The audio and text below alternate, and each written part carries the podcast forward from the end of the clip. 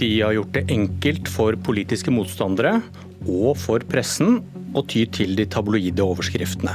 Kaos, sprikende staur, som å se på en vond spagat. Nei, det er ikke regjeringen, men de som vil ta over, som får metaforene til å blomstre. I dag kommer det siste opposisjonspartiet med sitt alternativ til regjeringens statsbudsjett. Så velkommen til Politisk kvarter, Une Bastholm. Takk for det. Du er nasjonal talsperson for Miljøpartiet De Grønne. og dere løfter opp det dere omtaler som et krafttak mot barnefattigdom i deres alternative budsjett. Hvorfor det? Jo, Det gjør vi fordi eh, rundt én av ti barn vokser opp eh, i fattigdom, altså i, i familier med vedvarende lav inntekt. Og Det er et økende problem, eh, og også de sosiale ulikhetene i Norge øker. Så Det mener vi det trengs et krafttak mot. Så Vi setter av 5,5 milliarder mer enn regjeringa til å hindre at fattigdom forsterkes når folk får barn. Og De store summene der går til økt barnetrygd. Det går til at enslige forsørgere får økt barnetrygd lenger, altså frem til barnet er 18 år. Og det går til gratis barnehage for lavinntektsfamilier, og ikke minst en sak som jeg også er veldig opptatt av, er alle dem som ikke har tjent opp rettigheter til foreldrepenger når de får barn, som i dag får noe som heter engangsstønad, som er 80 000 kroner, som er ganske lite for å vare et helt år. Dem tredobler vi støtten til, og så gjør vi det om til skikkelige foreldrepenger. I fjor så ga dere, du nevnte barnetrygd, i fjor ga dere 500 millioner ekstra til barnetrygd. Nå plutselig 1,4. Hva, hva har skjedd? Ja, det er jo et, et vedvarende og økende problem, og det er jo ganske alvorlig. Det er det første jeg tenker på nå, er jo, er jo, rapporten som kom om at det finnes barn i Norge som kommer med sammenkrølla matpakkepapir på skolen, for måtte, fordi de har ikke råd til å ha med mat. Og Derfor er jo en annen satsing vi også har, er jo gratis skolemåltid i skolen, og også gratis frukt og grønt. 250 millioner til et gratis måltid i grunnskolen. Hva dekker det? Det er gratis måltid i skolen. Ja, det dekker, det har vi satt av som et fond, fordi det her vil jo gjelde fra 1.1. Og Det betyr at alle de skolene som kunne tenke seg å innføre gratis skolemåltid, kan søke om å få det, og så blir det innført. Men vi har på en måte ikke forutsatt at alle sammen fra 1.1 kan rulle ut et skolemåltid som er laga med mat på skolen og sånt fra 1.1. Men dekker det, dekker det ombygging av kjøkken på skolene der det er behov for det? Vi tenker jo at det fondet vil måtte dekke de kostnadene som skolene trenger for å kunne innføre gratis skolemåltid. Og Det vil jo være en sum da, som vi må eventuelt øke når det er flere skoler som melder seg på det tilbudet. Ok, Så du har ikke oversikt over hvor mye penger som må brukes til å gjøre om skolene, så dette går an å få til? Nei, faktisk, og det der har vi prøvd å spørre om, så akkurat den oversikten tror jeg ingen har. og Det er jo litt uklart heller også om når skolene vil ha meldt seg på det. og Vi er jo opptatt av skole, at skoleledelsen også må kunne få lov til å på en måte ha en liten regi her, i og med at det er skolen også som skal servere maten, og vi ikke ønsker at det er lærerne som skal bruke tida på det, men man må få til gode ordninger som gir bærekraftig, sunn, helsefremmende mat, men som er gratis. da. Og noe av grunnen til det er jo at det er veldig mye forskning og erfaringer fra andre land også som viser at det er et viktig tiltak for å hindre at det at du har lite penger hjemme, gjør at du presterer dårligere eller vanskelig for å følge undervisning på skolen. Du, hva er hovedårsaken til økt barnefattigdom i Norge? Ja, Nei, Jeg mener jo at det er at regjeringa prioriterer dårlig. De store grepene man må gjøre for å få til bedre sosial fordeling, er jo gjennom inntektsbeskatninga. Og der, Vårt opplegg er jo litt sånn Um, egentlig ganske tydelig, fordi Vi bruker inntektsbeskatninga og personbeskatninga generelt til en mye sterkere sosial fordeling. så Vi fordeler ganske mye der. Uh, så Spesielt alle under 600 000 i inntekt vil få mer skattelette med vårt opplegg. De som tjener veldig mye, vil få mer skatt. og Det gjelder du, også formuesskatten. Før du snakker Mens, mer om regjeringens politikk, så ja. det er slått fast at innvandring fra fattige land er hovedårsaken til at det blir flere fattige barn i Norge. Men det er jo ikke en årsak. Fordi at for, for Miljøpartiet De Grønne Det er jo en årsak ikke... at fattigdommen øker i Norge. Nei, fordi at du er ikke fattig fordi du innvandrer. Du er jo fattig fordi du, du, kommer i en sosial kategori i det du er i Norge, hvor du eh, f.eks. har vanskelig for å bli integrert i arbeidslivet. Eh, du trenger en periode hvor du lærer språk hvis du ikke kan norsk. Eh, det er mange andre faktorer som gjør at du kommer i en kategori som du deler også med veldig mange som er født og oppvokst i Norge, det er vel en, hvor, hvor du er blant de fattige. og Det er jo det vi må gjøre noe med. og jeg tenker Det, det er irrelevant om det heter liksom Ali eller Arne.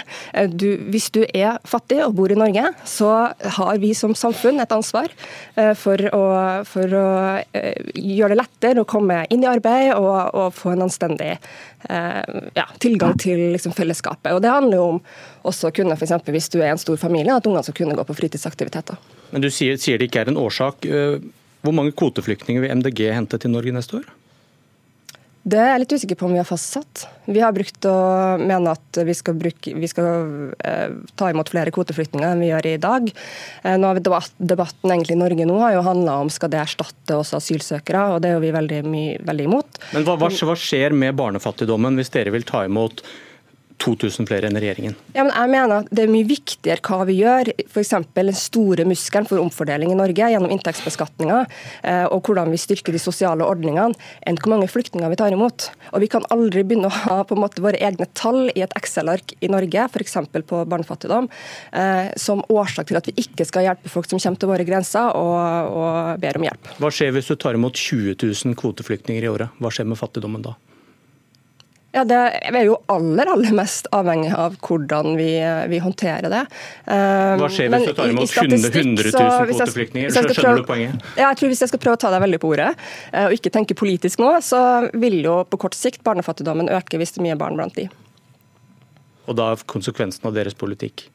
Ja, men Konsekvensen er jo den samme uansett, for likevel så jo, er det et viktig oppdrag for samfunnet og fellesskapet å, eh, sørge for at færrest mulig eh, vokser opp med vedvarende lav inntekt.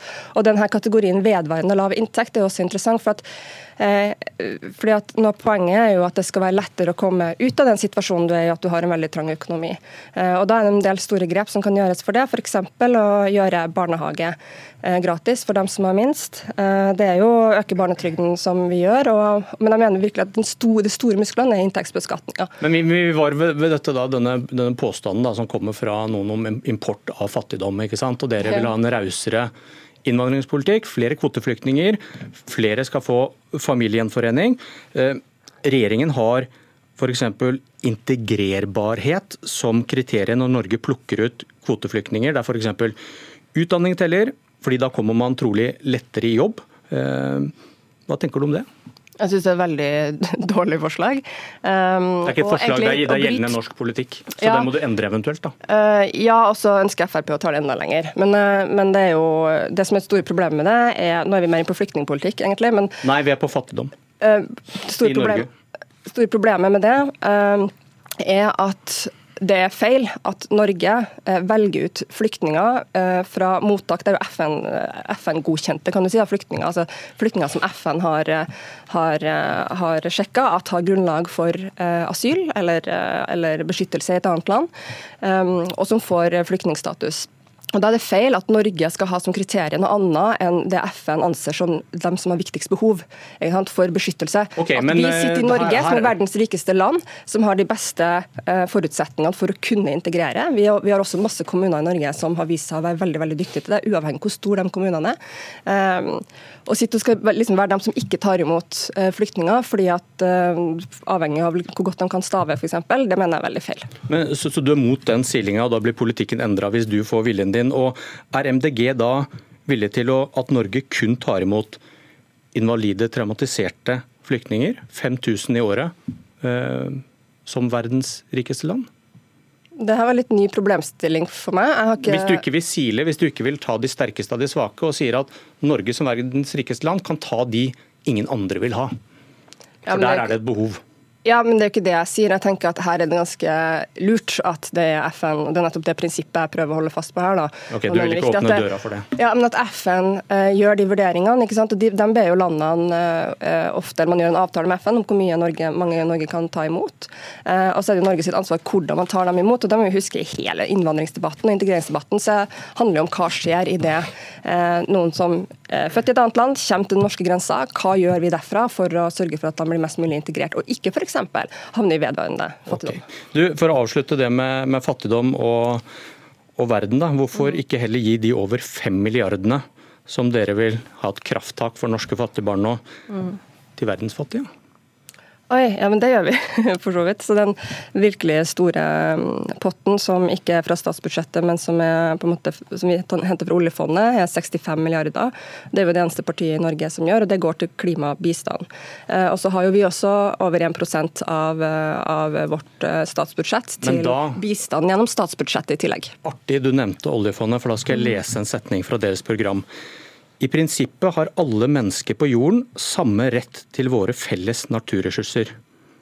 Hvis dere i MDG mener dette, hva er den logiske følgen for hva som bør gjøres med oljefondet på 10 000 milliarder kroner? Ja, En logisk følge er jo at vi har forplikta oss nå til 65 milliarder kroner 1 årlig. Hvis dette, er, hvis dette Nei, det er jordas felles ressurser, hvis ikke Norge har rett på den oljen som vi har blitt eh, rike på, ja, men 65 milliarder er såpass mye at det, det er temmelig kontroversielt i, i, dag. og Vi er det eneste partiet som foreslår såpass mye fra oljefondet. og det vil... Uh, men denne setningen tilsier at dere skal gi bort alt? Uh, 99,9% Nei, jeg tenker at det er riktig at oljefondet forvaltes bærekraftig. det som er aller viktigst med oljefondet, er at Eh, det investeres på en måte som bidrar til en bærekraftig utvikling og styrke eh, fellesskap, eh, demokrati i andre land, istedenfor sånn som i dag, hvor vi, har, vi investerer i veldig mye. Vi investerer jo veldig, veldig, veldig mange selskaper, så vi har egentlig ikke veldig god oversikt. Men vi investerer også i mye som ikke egentlig er i tråd med de utenrikspolitiske målene Norge har. da. Da var vi nært og vi var fjernt på om fattigdom. Takk, eh, Une Bastholm. Eh, Lars Nehru Sand, politisk kommentator i NRK. Vi har sett noen drypp fra MDGs budsjett som kommer i dag. Eh, vi har hørt om barnefattigdom nå. Høyere avgifter på fly og på fossil drivstoff til bilen har vi hørt om. Hva kommer du til å lete etter når du ser hele budsjettet?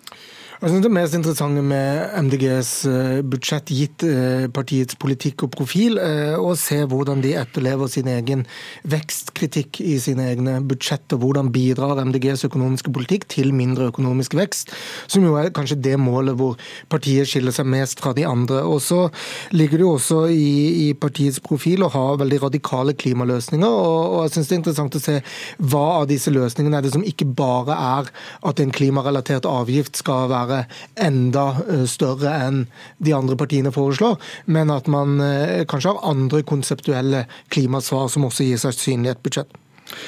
Nå ligger snart alle de alternative statsbudsjettene fra opposisjonen på bordet. Hva er de enige om?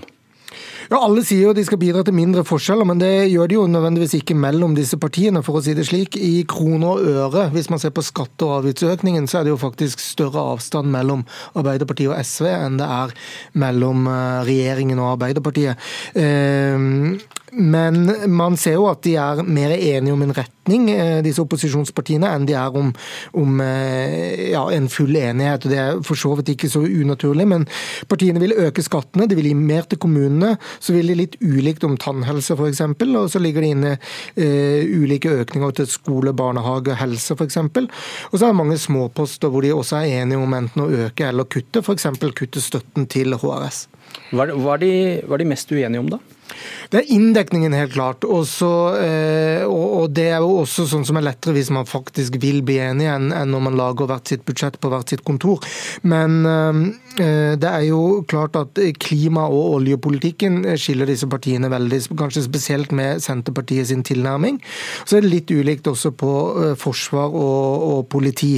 Så når man ser både på det røde, altså omfordelende, og det grønne, altså klimamessige, så er det også artig å se at den konflikten som kanskje er innad i Arbeiderpartiet, den er også fullt gjeldende mellom disse partiene på eh, rød-grønn side. Og da, med alt dette sagt, er det, er det mulig å få øye på et tydelig alternativ til dagens regjering? Hvis det er et tydelig alternativ vil i retning av en sånn 2005-valgkamp hvor tre partier allerede lenge før eh, sommerferien sa at vi skal samarbeide og vi er et lag inn i valgkampen, så tror jeg det, skal, det gjenstår mye før vi er der om, om, to år. Men vi ser jo noen hovedlinjer, noen primærstandpunkt, noe som det er mulig å kanskje enes om. Eh, men at det kommer til å bli tøffe forhandlinger, det, det er jo i hvert fall sikkert. Og spesielt eh, når kanskje noen ser for seg en topartisregjering, og, og kanskje er man avhengig av langt flere partier. Eh, noen vil ha tre, og noen vil kanskje tenke at man matematisk er avhengig av enda flere for å få et flertall. Takk, Lars Nehru Sand. Dette var Politisk kvarter. Jeg heter Bjørn Myklebust.